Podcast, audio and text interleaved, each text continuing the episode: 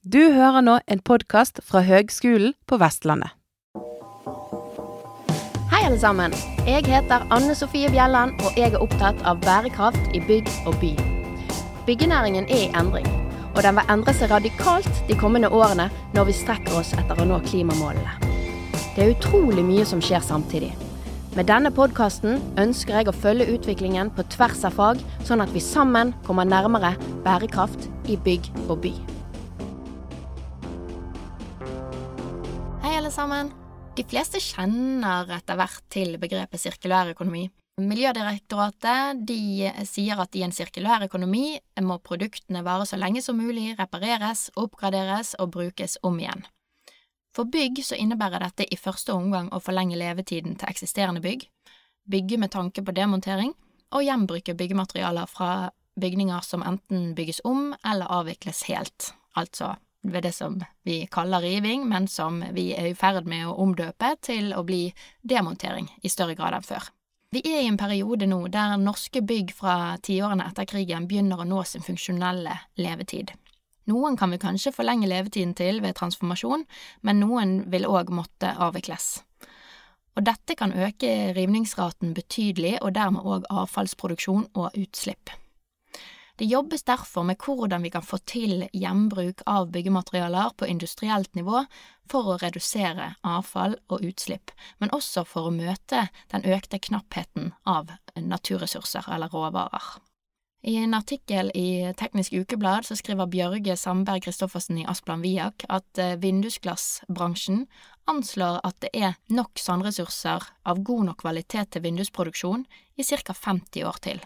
Etter det så forventer bransjen at all vindusglassproduksjon vil baseres på resirkulert glass. Og dette er bare ett eksempel av veldig mange ressurser som det kan bli vanskelig å få tak i om ikke så altfor lenge. Så det å bygge disse strukturene, det er i alles interesse.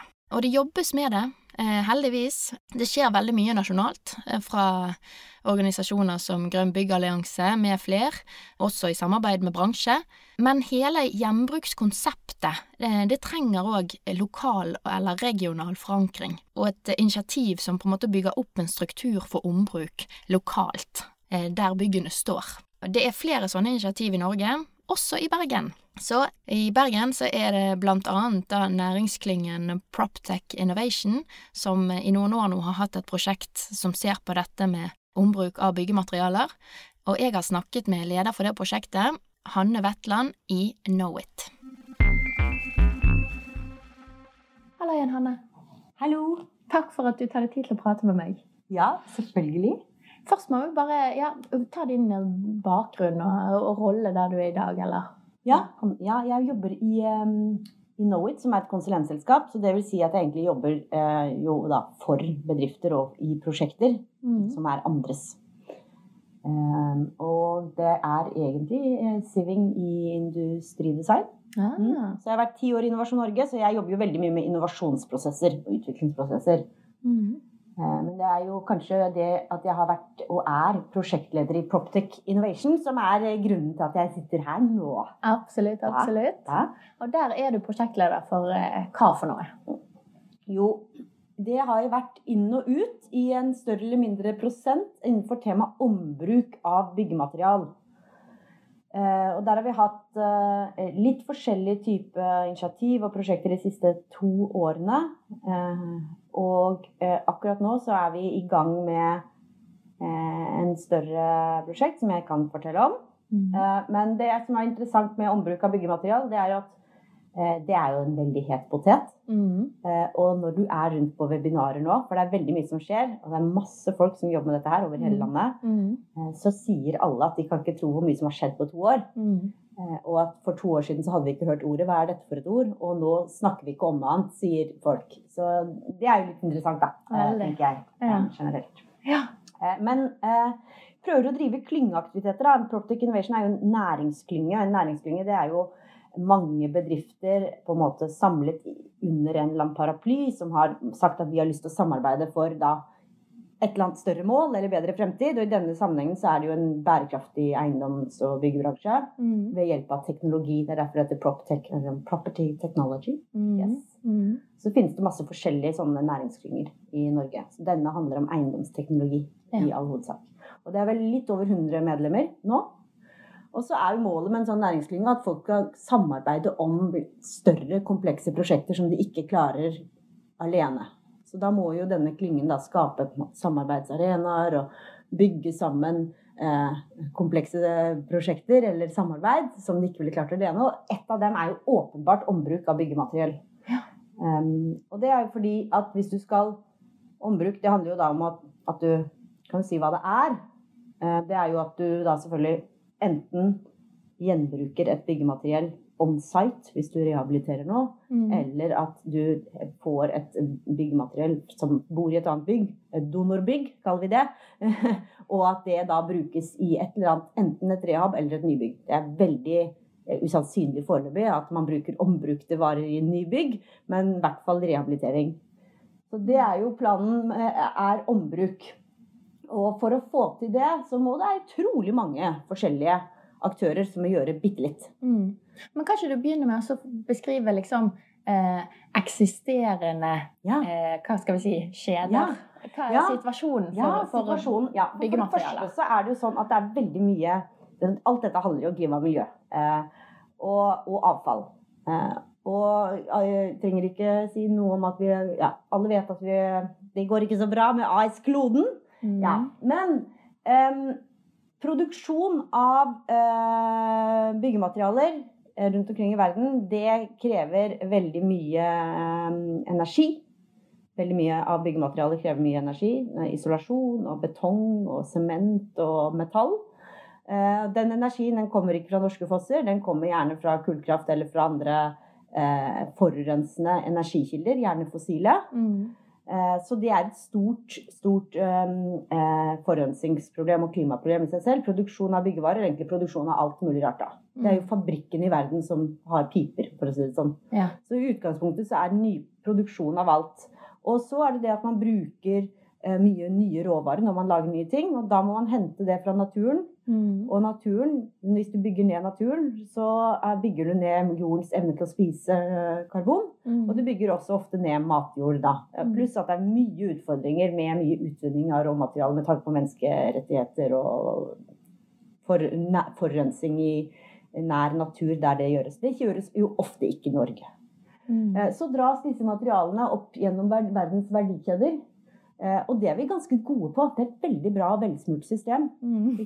Alle vet hvor du kjøper og selger. Det er lastebiler og store skip eh, lina opp i alle havnene. Og folk har eh, lager og logistikk, og det går veldig effektivt. Men all den distribusjonen er jo ikke heller veldig eh, miljøvennlig. Altså, det er jo ikke el og hydrogen ennå. Så det er veldig mye forurensning relatert til bare å få en byggevare til Bergen. Mm. En ny byggevare. Ja. Eh, og så stappes den inn i et hus, og så bor den der en stund. Og dessverre så bor veldig mange byggematerialer altfor kort. De har en, på papiret mye lengre levetid enn det som er realiteten. Fordi vi driver og bygger om hele tida og rehabiliterer, og behovene våre endrer seg og sånn. Mm. Og når vi da re rehabiliterer og river, så lager vi veldig mye avfall. Mm. Eh, og veldig mye av det avfallet, noe av det kan materialgjenvinnes. Nå er vi på vei nedover igjen. Eh, Nedstrøms, kalles det. Eh, nedover i verdikjeden. Mm. Eh, Men mye må på deponi. Det vil si at det er rett og slett for mye miljøavgifter, og du kan ikke gjøre noe med det, eller det er ikke mulig å, å gjenvinne. Og så skaper vi veldig mye avfall. Og nå husker jeg ikke helt tallene på det, men det er helt utrolig mye. Og jeg har lest at de siste tre årene så har avfall fra riving av bygg, vi river noe sånt som 20 000 bygg i året, eh, har økt med 21% de siste tre årene. Så er det gått bitte litt ned på nybygg. Ja, og så kan man si sånn, ok, eh, det som er problemet med å eh, rive og rehabilitere og lage veldig mye avfall, det er at du trenger å bygge ting opp igjen. Og når du skal bygge ting opp igjen, hvis du da skal ha en ny byggevare, så må du kalle opp hele den forurensende verdikjeden en gang til. Mm. Så da må du rope til disse bedriftene i eh, Øst-Europa, Sør-Europa og kanskje andre land i Asia, jeg vet ikke hvor.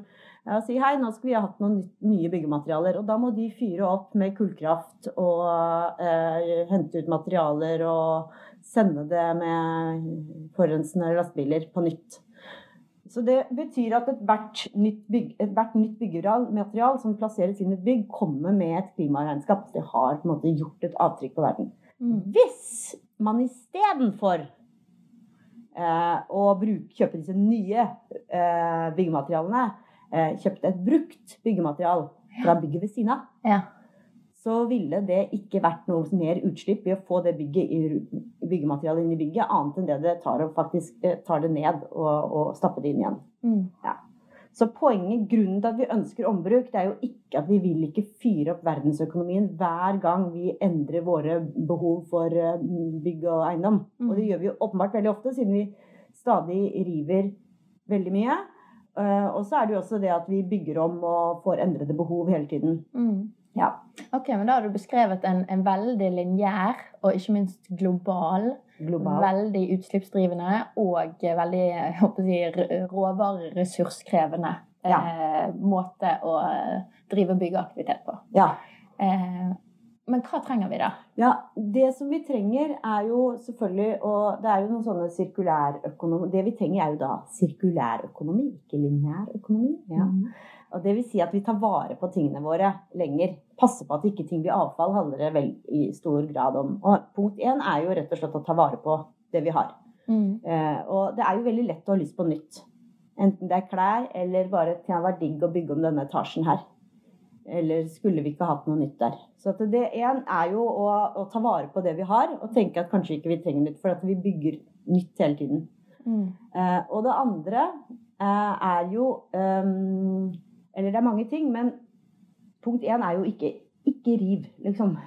Forlenge, forlenge levetiden. Forleng levetiden, rett og slett. Ja. Men en måte å forlenge levetiden for en dør det er jo En ting er at den kan stå der borte i neste 20 årene. Det andre er at vi tenker nei, nå skal vi gjøre noe her. Men den døren den, har, den, den kan vare i 30 år til, så kanskje den kan stå i nabobygget istedenfor. Da er den døren ombrukt. Jo, men da må vi ha en infrastruktur. Ja, og det har vi ikke. Så det er prosjektet. Ja, eh, okay, for okay. nasjonen. Ja. Ja. Og det vi trenger, er rett og slett en ny verdikjede. For det vi har, er en veldig effektiv verdikjede som går innom avfallsbransjen. Så hver gang det er det avfall fra rehabilitering eller nybygg eller riving, så går alle de det vi kaller fraksjoner, mm. metall og gips og tre og sånn, de går til avfallsbransjen. Det er et ganske velfrusmurt system. Da må man betale for å bli kvitt det avfallet. Mm. For det har på en måte ikke noen du kan ikke selge det. Altså, du, kan selge, du, kan selge, metall, men altså, i utgangspunktet så går det til avfallsbransjen. Mm. Det vi trenger, er en verdikjede som går litt høyere oppe. Det vil si vi trenger en uh, gjenbruksverdikjede, eller en ombruksverdikjede. Mm. Og en verdikjede det er jo aktører som på rad og rekke utveksler varer og sender penger den andre veien. Sånn i all hovedsak, da. Mm. Takk, jeg får det av deg, du får penger av meg. Uh, og det er jo sånn verdikjeder fungerer. Men vi mangler denne verdikjeden. Så, så, så, så, prosjektet innenfor ombruk i Norge er liksom hvordan kan vi lage disse eh, nye verdikjedene for ombruk av byggematerial, så vi slipper å kalle opp verdensøkonomien hver gang vi trenger en ny dør, eller en ny fasadeplate, eller et nytt ventilasjonskanal, eller whatnot. Mm. Og det er eh, utfordrende. Og det som har skjedd i Norge i dag på ombruk, eller foreløpig, så går veldig mye ombruk på byggeprosjektene. Dvs. Si at dette bygget her, en eiendomsaktør sier vi har ambisjon om at det skal ombrukes så og så mange prosent av dette bygget her, f.eks.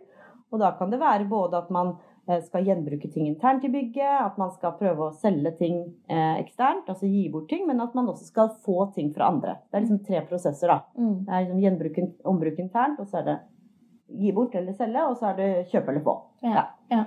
Eh, som er eh, ganske vanskelig, fordi det er ikke noen veldig sånn tydelig sted hvor man verken kan selge eller eh, få. Um, selv om veldig mange gjør tiltak nå. Så det, man, eh, det vi mangler, det er den, to ting. Det er en fysisk verdikjede mm. for ombrukte varer. Ja, Som flytter, lagrer osv. Ja, ja. Mm. Og, den, eh, og så trenger vi en digital eh, reise for ombrukte varer. Altså der hvor vi informasjonen. Og for å si det sånn, da, så hvis du skal demontere eh, i et bygg, eh, så er det liksom disse fysiske tingene som skjer på en eller annen måte. Så må, uten at vi snakker eh, noe avansert, så er det sånn noe må demonteres. Demontering i seg selv er jo nesten et nytt fag. Ja, Ja, faktisk. Ja, Ja. fordi det er, i dag er det riveentreprenørene som river bygg. Mm. Eh, og demontering er en annen fag. Og hvor mye eh, kompetanse må du ha når du skal demontere versus når du skal rive. Når du skal rive, må du kunne verktøyet ditt og maskinen din. Når du skal demontere, må du kjenne produktene. Ja. Uh, og de menneskene som river, er, er, er, jobber i, i rive hos riveentreprenører, har ikke den kunnskapen om de. Så det er noen sant, bare der. Ha. Så må ting tas ned, det må lagres. Hvor skal det lagres on site? Det blir veldig fort stappet på disse byggeplassene. Ja. Eh, Det må kanskje mellomlages på et lager, dvs. Si at det må fraktes opp på en eller annen lastebil. Det må Mm. vaskes, Mm. eh, rengjøres. Det må eh, kanskje styrketestes på en eller annen måte, eller testes for noe. Og så Mm. må det ligge der til det plutselig havner videre, eh, distribueres videre til et nytt sted, ny byggeplass. Der må det ligge, ligge lagres på byggeplass, og så må det remonteres. Mm. Det er veldig sånn enkelt og greit det som skjer. Og hvis man tenker seg om at det er ganske annerledes da, å flytte rundt på en ventilasjonskanal enn å flytte rundt på en dør og en gipsvegg og gulvplank eh, og teil. Eh, så alle disse byggematerialene må man håndtere forskjellig. Noen er skrøpelige, noen er ikke skrøpelige, noen er veldig svære og uhanselige. Mm. Eh, Noen er lette å ta ned, noen er ikke lette å ta ned. Noen man bruker lang tid på å rengjøre. Andre kan man egentlig bare spire med høytrykksspyler. Så Mm. det er veldig forskjellig eh, på en måte regnskap for flytting av de forskjellige byggematerialene. Mm. Um, og så har du den digitale reisen. Og det er jo fordi at hvis et eh, ombrukt byggemateriale skal havne i et nytt bygg, så må en eller annen arkitekt eller rådgivende ingeniør sitte og prosjektere og tegne inn disse greiene inn i en eller annen tegning. Ja. Og hva skal til for det? Så da må jo denne byggemaren finnes et sted. Mm. Ja, så i, i prinsippet så skal du da eh, Denne byggevaren må i det donorbygget så må man kartlegge den digitalt, sånn at den der finnes, ventilasjonskanalen, finnes digitalt et sted. Mm. Um, og så må den jo da, eh, når den finnes digitalt, så må den på en eller annen måte da tegnes inn. Ja, altså Han bør helst være et BIM-objekt med så mye informasjon Ja. som overhodet mulig, som kan hentes ned og brukes i prosjektering. da. Ja, og den er jo ikke BIM i et BIM-prosjekt. Ofte, det finnes en del eh, sånne kartleggingsverktøy i dag, Mm. eh, som er sånn at du kan gå rundt inn med iPad og kartlegge. Mm. Um, sånn Rehug og Front og AV, ombruk, Asplan Viak har laget den. Så det er flere sånne verktøy uh, i dag eh, som både du kan bruke til kartlegging, men som også fungerer som delvis markedsplasser. Okay. Men problemet med de er jo at de ikke har den egenskapen at du kan dytte, de- dytte den, den informasjonen direkte inn i BIM-modellene. Ok. Og i går snakket jeg med et selskap, eller ikke i går, forrige uke, som heter Vrimmel.io. Unge, flinke folk. Som har funnet ja, det er en nisje vi skal inn i. Vi skal bimifisere ombrukte varer. Ja. Ja. Ok, Så de Ja. bimmer rett og slett Ja. eh, ymse produkter? ja eller det er ambisjonen, da. Så Ja. har de begynt uh, med det. Um, og det er jo fordi at det er klart at det, det nytter ikke at det finnes ting hvis ikke det er mulig å få de tingene inn i tegningen. Og hvis de ikke kommer inn i tegningen, så blir de heller ikke eh, etterspurt, Mm. osv. Så, videre. Mm. så det er liksom det, det er veldig mange ting som må skje. Så må de også tilgjengeliggjøres på en eller annen markedsplass, for at noen skal jo anskaffe dette, disse greiene. Mm. Og når det gjelder det å anskaffe byggevarer, så er det utrolig lett for entreprenørene, det er entreprenørene som anskaffer, å bare kjøpe i sine vante salgskanaler. Mm. Det vil si fra hele den verdikjeden som starter et eller annet sted i øh, Sør-Europa eller land. Ja. Det er veldig lett. Um, så det vi ønsker er jo at de skal anskaffe ombrukte varer, og hvordan kan vi gjøre det enklest mulig for entreprenøren? For det kan jo ikke være sånn at entreprenøren må liksom rope ut på Facebook og lete på Finn, og så lete her og lete der og lete tusen steder. Eh, for dette må være enkelt. Eh, og i dag så er det, krever det litt mye. Det krever ganske mye av entreprenøren å finne ombrukte varer, da. Mm, mm. Men det kan jo være at det òg må For at dette skal gå sant? Du var jo inne på det i sted, at, at eh, mange må gjøre litt. sant? Og jeg tror nok måten man prosjekterer på òg, må kanskje forandre seg litt. Ja. Altså, sant? Ja, det blir litt sånn rykk og napp. Det blir Eh. veldig rykk og napp, og de som melder om det, sier jo at prosjekteringsfasen går mye lenger inn i byggefasen når de skal bruke ombrukte varer. Fordi at du jobber på en måte ikke med en homogen masse av byggematerialer. Du har kanskje liksom Oi, det, de var ikke så store som vi trodde. Så du må Det glir, er mer glidende overgang mellom prosjektering og bygging i en, Mm. en sånn fase. Og så har jeg tenkt på da at eh, hvis disse nye, når arkitektene sitter og tegner og sånn, så er de nødt til også å lage i større grad arkitektur som gjør at det er enklere å svelge unna eh, mindre kvanta. Eh, fordi at du kan ikke bestille eh, eh, tusener på tusener av ombrukt eh, parkett i samme typologi. Mm. Eh, Så da kanskje er det smartere å tenke vi lager et bygg med 18 forskjellige soner. Litt sånn som det kommer på Ikea. vet du, er det litt sånn soner. Mm. Det er Mm. fint. Ja. Eh, Som gjør at det er mulig å, å svelge unna eller ta unna mindre kvanta av byggematerialer Mm. eh, for å dekke det behovet til det bygget. Det gjelder også på fasader og på vinduer og sånn. Hvordan kan du gjøre det til nesten en fordel for bygget, da? At vinduene er litt annerledes, at det er fire forskjellige fasadeelementer, at det er syv forskjellige gulvbelegg, at vi har eh, forskjellige typer dører, innedører. Hvordan kan man utnytte det estetisk til å bli en fordel? Jeg tror jo det vil bli en fordel, da. Mm. At det rett og slett vil bli varmere og mer menneskelig å bo i sånne bygg som har litt personlighet og variasjon, enn disse her Mm. Glatte byggene. Absolutt. Ja. Men jeg lurte på, vet du noe om, eh, om altså de, de eksemplene vi har i dag? Ja. Eh, sant? Du snakket om at så penger må utveksles og sånn, sant? Ja. Men, men kjøper man brukte byggevarer i dag, eller får man de? For man, man løser jo et problem i, for den som sitter med et donorbygg òg, på en måte. Men koster det noe i dag, eller er det liksom gratis? Nei.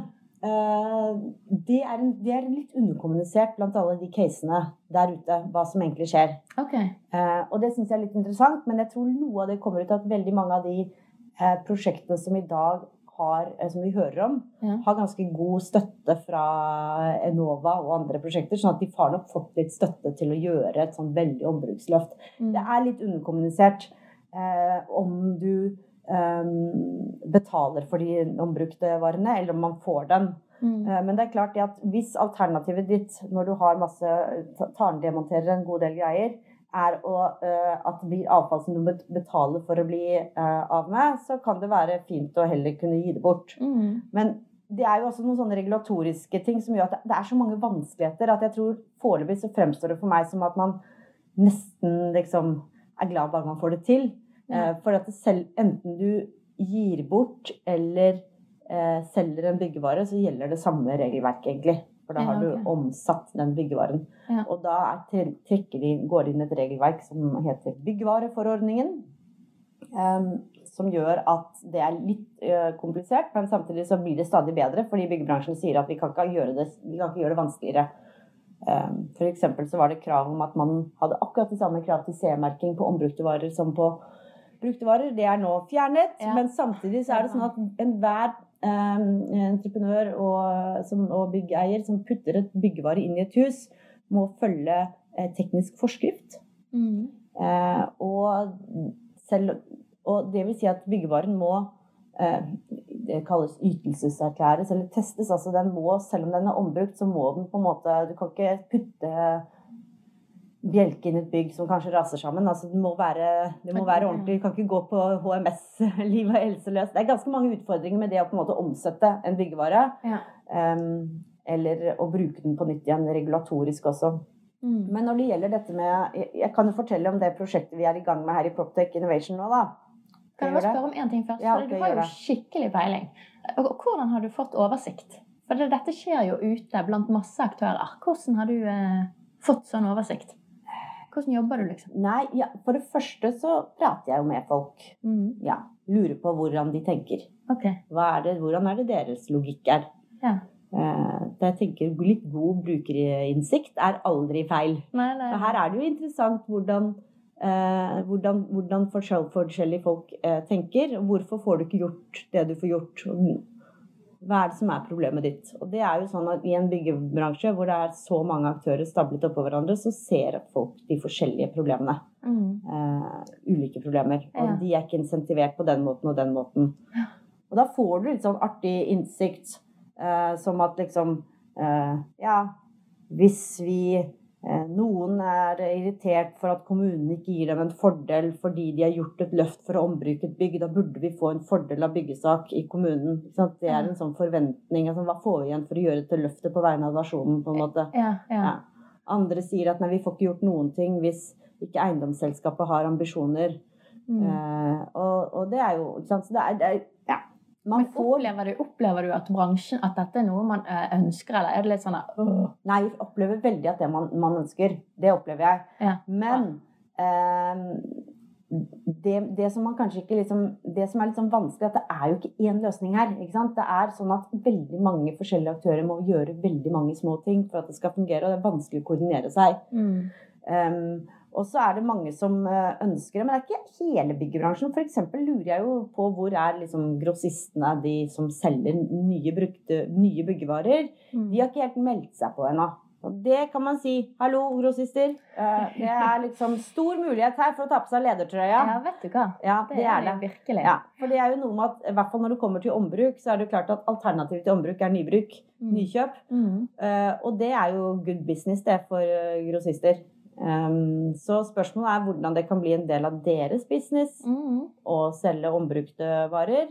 Mm. Uh, og det er jo slag i sjøen der også. F.eks. dette med at de skal ha garantier. Hvordan skal de på en måte garantere for uh, ombrukte varer? De er jo ikke rigget for det i dag, men det er jo ingen i noen deler av uh, sirkulærøkonomien. Mm. Men alle, alle selskaper i andre bransjer, som i klær og møbel og altså veldig mange andre eh, verdikjeder, har jo tegnet inn dette i sine planer. Ja, ja. Så der er det kanskje liksom Det er kanskje den delen som jeg på en måte, føler roper eh, lavest foreløpig, da. Ja, jeg skjønner. Ja. Men da har Men- vi bedt om det, folkens. Bedt Ja, bedt om det, bedt om det. bedt om det. Um, avfallsbransjen er veldig interessert, for de vil klatre opp fra å bare jobbe med, med, med på en måte uh, materialgjenvinning til å uh, drive med ombruk. Altså, de vil jo heller selge, sende byggevarene tilbake inn i samfunnet enn å komprimere det og shredde det og smelte det om eller uh, Ja. lage støv av det. Ja, så de også ser en markedsmuligheter. Ja, og det gjør de innenfor også alle kategorier. Så avfallsbransjen er jo interessert i å på en måte klatre opp i det vi kaller avfallshierarkiet. Mm. Um, ja. Stilig. Men nå har dere fått eh, mer penger og litt eh, videre prosjekt. ja, altså det som disse prosjektene går med til For prosjekter med å bygge en sirkulær verdikjede, det handler jo egentlig om å ringe utrolig mange mennesker. Og Prøve å stable veldig mange forskjellige organisasjoner oppå hverandre og få dem alle til å ha lyst til å gjøre det samme sammen. Mm. og samarbeide. Eh, Så det som det kreves av sånne som meg, og nå har vi fått med noe som heter Vekstlandet og PwC, det er å ringe rundt og samle folk, rett og slett. Eh, Og det er en ganske stor jobb, og det er egentlig ingens jobb. Eh, Så det er veldig bra det offentlige gir litt penger til at man kan gå rundt og banke på døra og si hei, nå må vi samle oss om et felles prosjekt som egentlig er ingens prosjekt, men som er summen av all vår aktivitet. Mm. Og det som vi ønsker nå, er jo å se om vi klarer å bygge en, en eh, verdikjede for ombruk av ett material. Og grunnen til at vi har valgt nå å gå for eh, ett material Altså vi ønsker å se på hvordan vi kan bygge en verdikjede, ombruksverdi for ett material, heller enn å få til et stort bygg med veldig mye ombrygging. Det er for at det er gjort ganske mye av. Vi har flere brygg i Oslo og også i Bergen hvor man har gjort ombruk på stedet, men så blir det veldig sånn ad hoc hvordan du eh, demonterer og monterer inn. Så nå tenkte jeg at Hvis du skal ha en verdikjede, hva er en verdikjede? Det er en effektiv, repeterbar måte å utveksle noe som er verdifullt, varer og penger, som kan repeteres mange ganger, hvor alle er enige om spillereglene. Det er jo derfor eh, vi får mat fra bonden. Altså Det er ingen som lurer på hvordan det er med fruktlagre, hvordan man kjøper og selger, og Norgesgruppen. Alle er enige om spillereglene, og det er det man må bli i ombruk også. Mm. Eh, Så nå har vi fant ut at da trenger vi, for å ta ned kompleksiteten i dette prosjektet, trenger vi å jobbe med ett material. For det er vanskelig nok å bare flytte ett material. Mm. Eh, Og i hvert fall hvis vi vil at veldig mange skal flytte det samme materialet. Så det som viste seg, det var at det er et medlem i denne klyngen, Tevas, som har gjort et prosjekt på Fantoft hvor det er gjenbrukt ventilasjonskanaler. Eh, Og i samme bygg, vel å merke, men interessant. Ja. Hvor de også har fått det inn i BIM-modellen, og de har tatt tiden på ting og kartlagt hele prosessen og sånn. Så det var et veldig sånn interessant ståsted. Og det som viser seg at ventilasjonskanaler er i hvert fall et produkt som ikke kommer med ny programvare hvert år. Mm. Eh, Det er et relativt newtonsk produkt. Det er et rør. eh, Det er i metall. eh, Og det er i teorien mulig å, å montere ventilasjonskanaler ned og opp igjen. Så da tenkte jeg fint, nå har vi på en måte en sånn i det fysikken sier de, en ideell verden. Vi regner på ting uten tyngdekraft. Nå, finner, vi noe, nå prøver vi å ta ett material. Um, For det er vanskelig nok å få folk til å stable hverandre på beina og bli enige om noe. og også få en digital arbeidsflyt. Så visjonen til dette prosjektet, da, uh, og den er ikke spikret ennå, men den tror vi blir noe sånt som ja, hvordan kan eh, Bergensregionen bli europamester i ombruk av ventilasjonskanaler? Mm. Hvis, vi, hvis, vi, får til det. Da er det jo sånn at da må enhver riveentreprenør i Bergen ha en drill, en prosedyre på hvordan man tar, demonterer ventilasjonskanaler. Mm. Da må alle vite det som går rundt. Å ja, når vi møter det, da gjør vi det på den og den måten. Mm. Det er viktig å ikke skade her, Dette er en vanlig måte at vi får skade på. Eh, ikke gjør sånn og sånn. Disse er høy verdi, disse er lav verdi. Så man mm. ha kunnskapen om det. Før det så må jo også noen eh, kartlegge disse digitale materialene. Og det må gjøres på samme måte. sånn at det vil si at man må digitalt beskrive ventilasjonskanalene likt i alle kartlegginger. Mm. Eh, det må være, plasseres likt. Og akkurat nå så finnes det jo forskjellige typer verktøy, men det viser seg at veldig mye La oss si at det har vært Excel-ark, da. Det er ikke Excel-ark det kartlegges. Men alle må gjøre det på samme måte. Ja. Og det vil si at alle som driver med ombrukskartlegging, som gjerne er de rådgivende ingeniørene som Sveko og Rambøll og sånn, de må gjøre det likt, alle sammen. Ja. Fordi da, hvis de gjør det likt, så kan den dataen samles likt inn i et felles eh, eh markedsplass, databasesystem. Mm. Fordi at hvis alle gjør på sin måte, så blir det utrolig fragmentert. Det er helt umulig å få oversikt for de som ønsker å prosjektere med det eller selge det. Mm. Ja.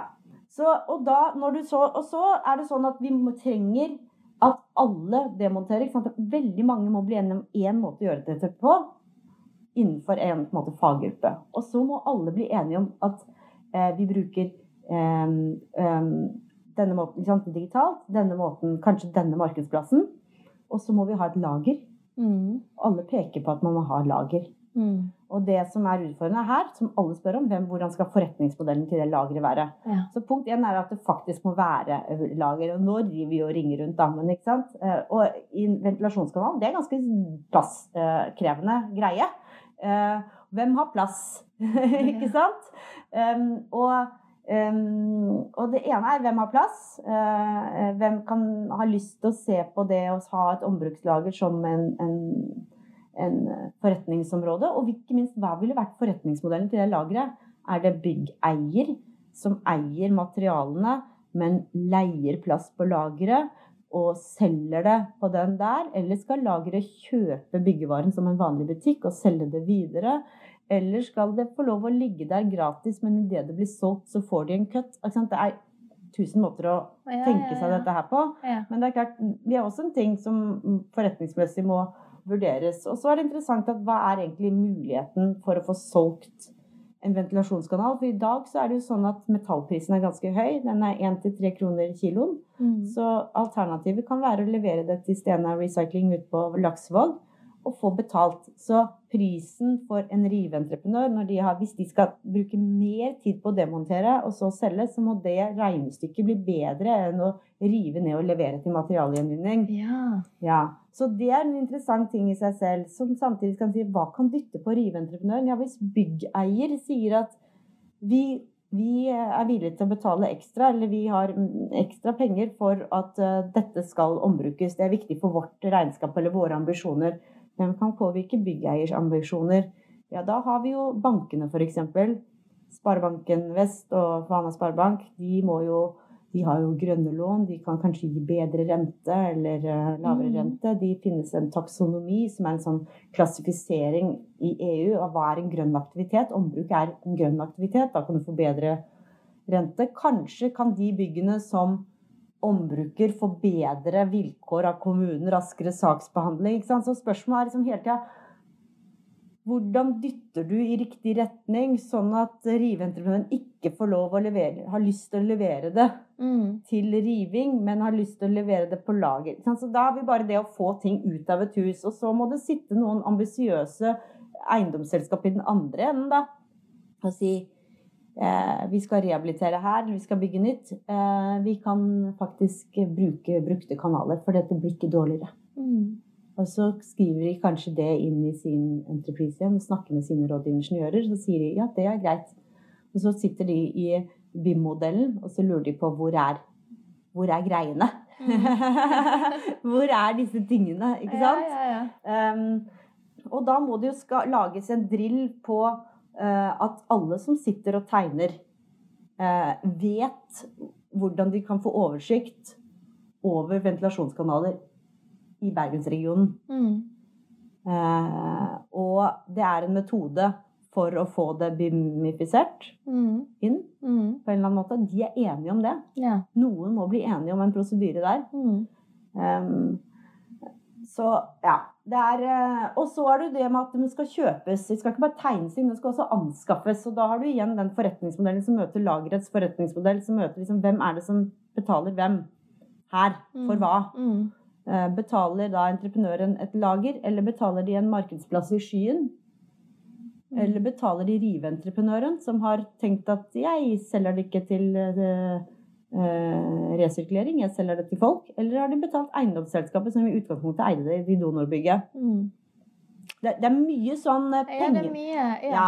Men jeg ser det er veldig lurt å så bare kjøre ett, eh, ett materiale av gangen. ja, for det er vanskelig nok. Ja, ja, ja. Ja. Men du, så kan man bygge prosedyrer for de, de materialene man ser at det er store kvantum av. Ja, og grunnen til at vi har valgt ett material, det vi har tenkt at det er ganske viktig at det er volum før det blir marked. Mm. For marked er lik volum. Hvis det er sånn at du, du kan ikke sette av to arbeidsdager på å kanskje finne to rør. Du må, liksom, vi må skape trygghet hos innkjøperleddet og også hos de rådgivende ingeniørene og arkitektene på at dette her har Bergensregionen klart å samle Mm. et relativt stort kvantum av, sånn at det er mulig for deg å prosjektere med det. Mm. Så det er ganske viktig med volum uh, i dette her.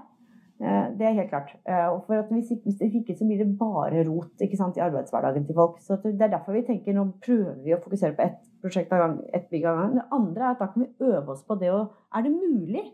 Er det faktisk mulig å få masse entreprenører eller masse arkitekter eller masse til å bli enige om en måte å gjøre ting på? En ny måte å gjøre ting på? Mm. Er det mulig å spre den kunnskapen? Er det mulig å lage på en måte bransjestandarder for noe nytt? Ja. For demontering? Ja. Er det mulig å lage bransjestandard for, eh, for eh, eh, dokumentering? Mm. Og det har man jo prøvd f.eks. innenfor eh, Jeg tror at Sintef nå har laget en sånn bransjestandard for eh, testing av betonghulldekker. Ja, der har man laget en litt sånn raskere vei, i hvert fall. Ja. Så man Ja. må ikke kjøre alt til Trondheim. for Nei. si det sånn. For det problemet er jo også at folk bruker for mye tankekraft. Hvis det er sånn at enhver eh, Hvis alle eh, aktørene i hele bergensregionen eh, skal på en måte finne ut selv hvordan de demonterer et eh, ventilasjonsrør, selv finne ut om eh, hva slags type dimensjoner de burde kartlegge, selv finne ut hvordan i verden skal vi få det inn i denne eh, nye BIM-modellen, selv finne ut av Altså det Da blir det ikke noe bærekraftig fremtid. Ja. Mm.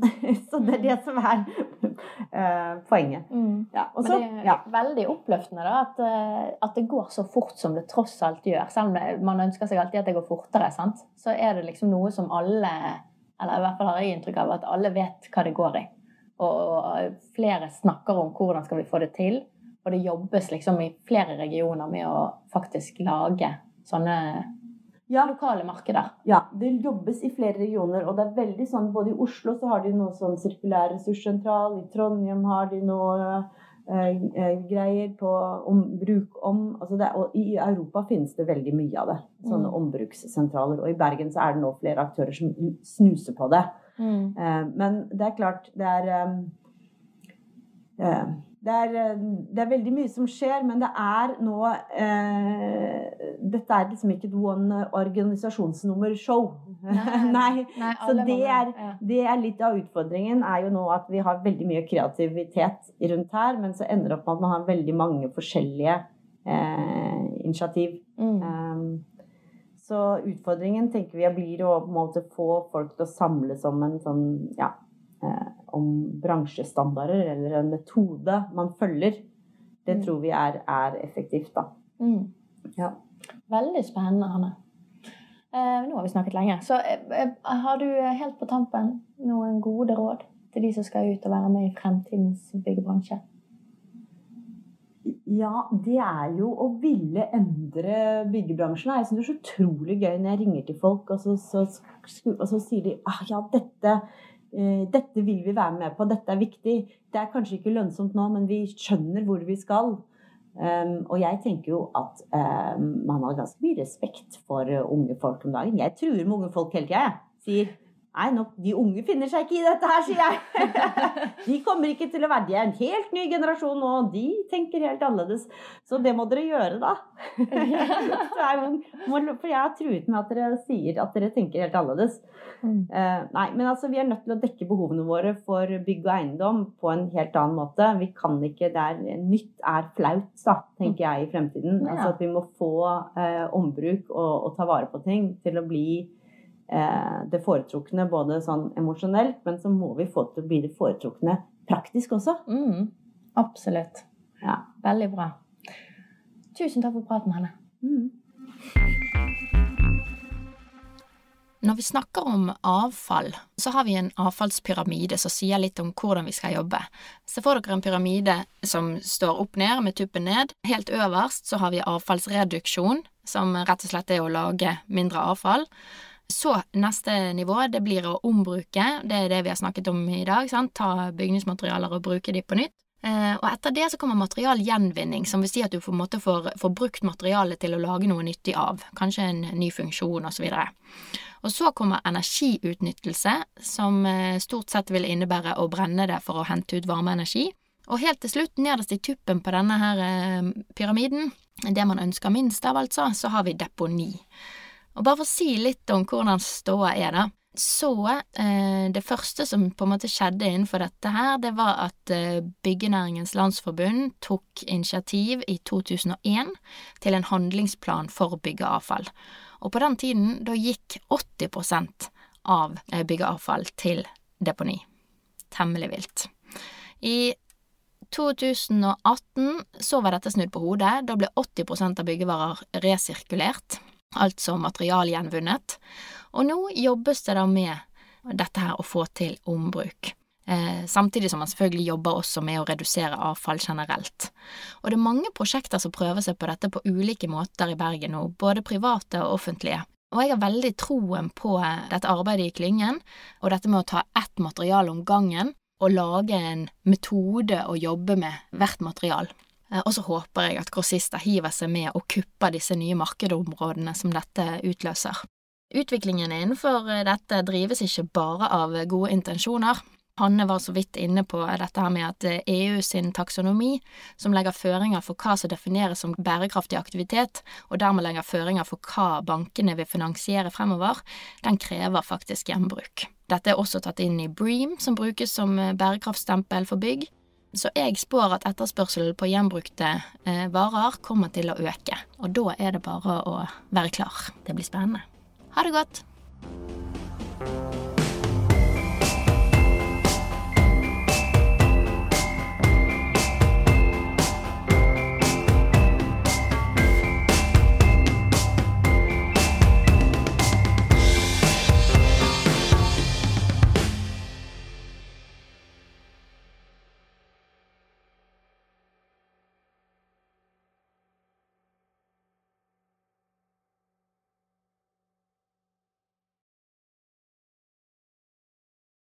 Du har nå hørt en podkast fra Høgskolen på Vestlandet. For å høre flere podkaster, besøk hvl.no slash podkast.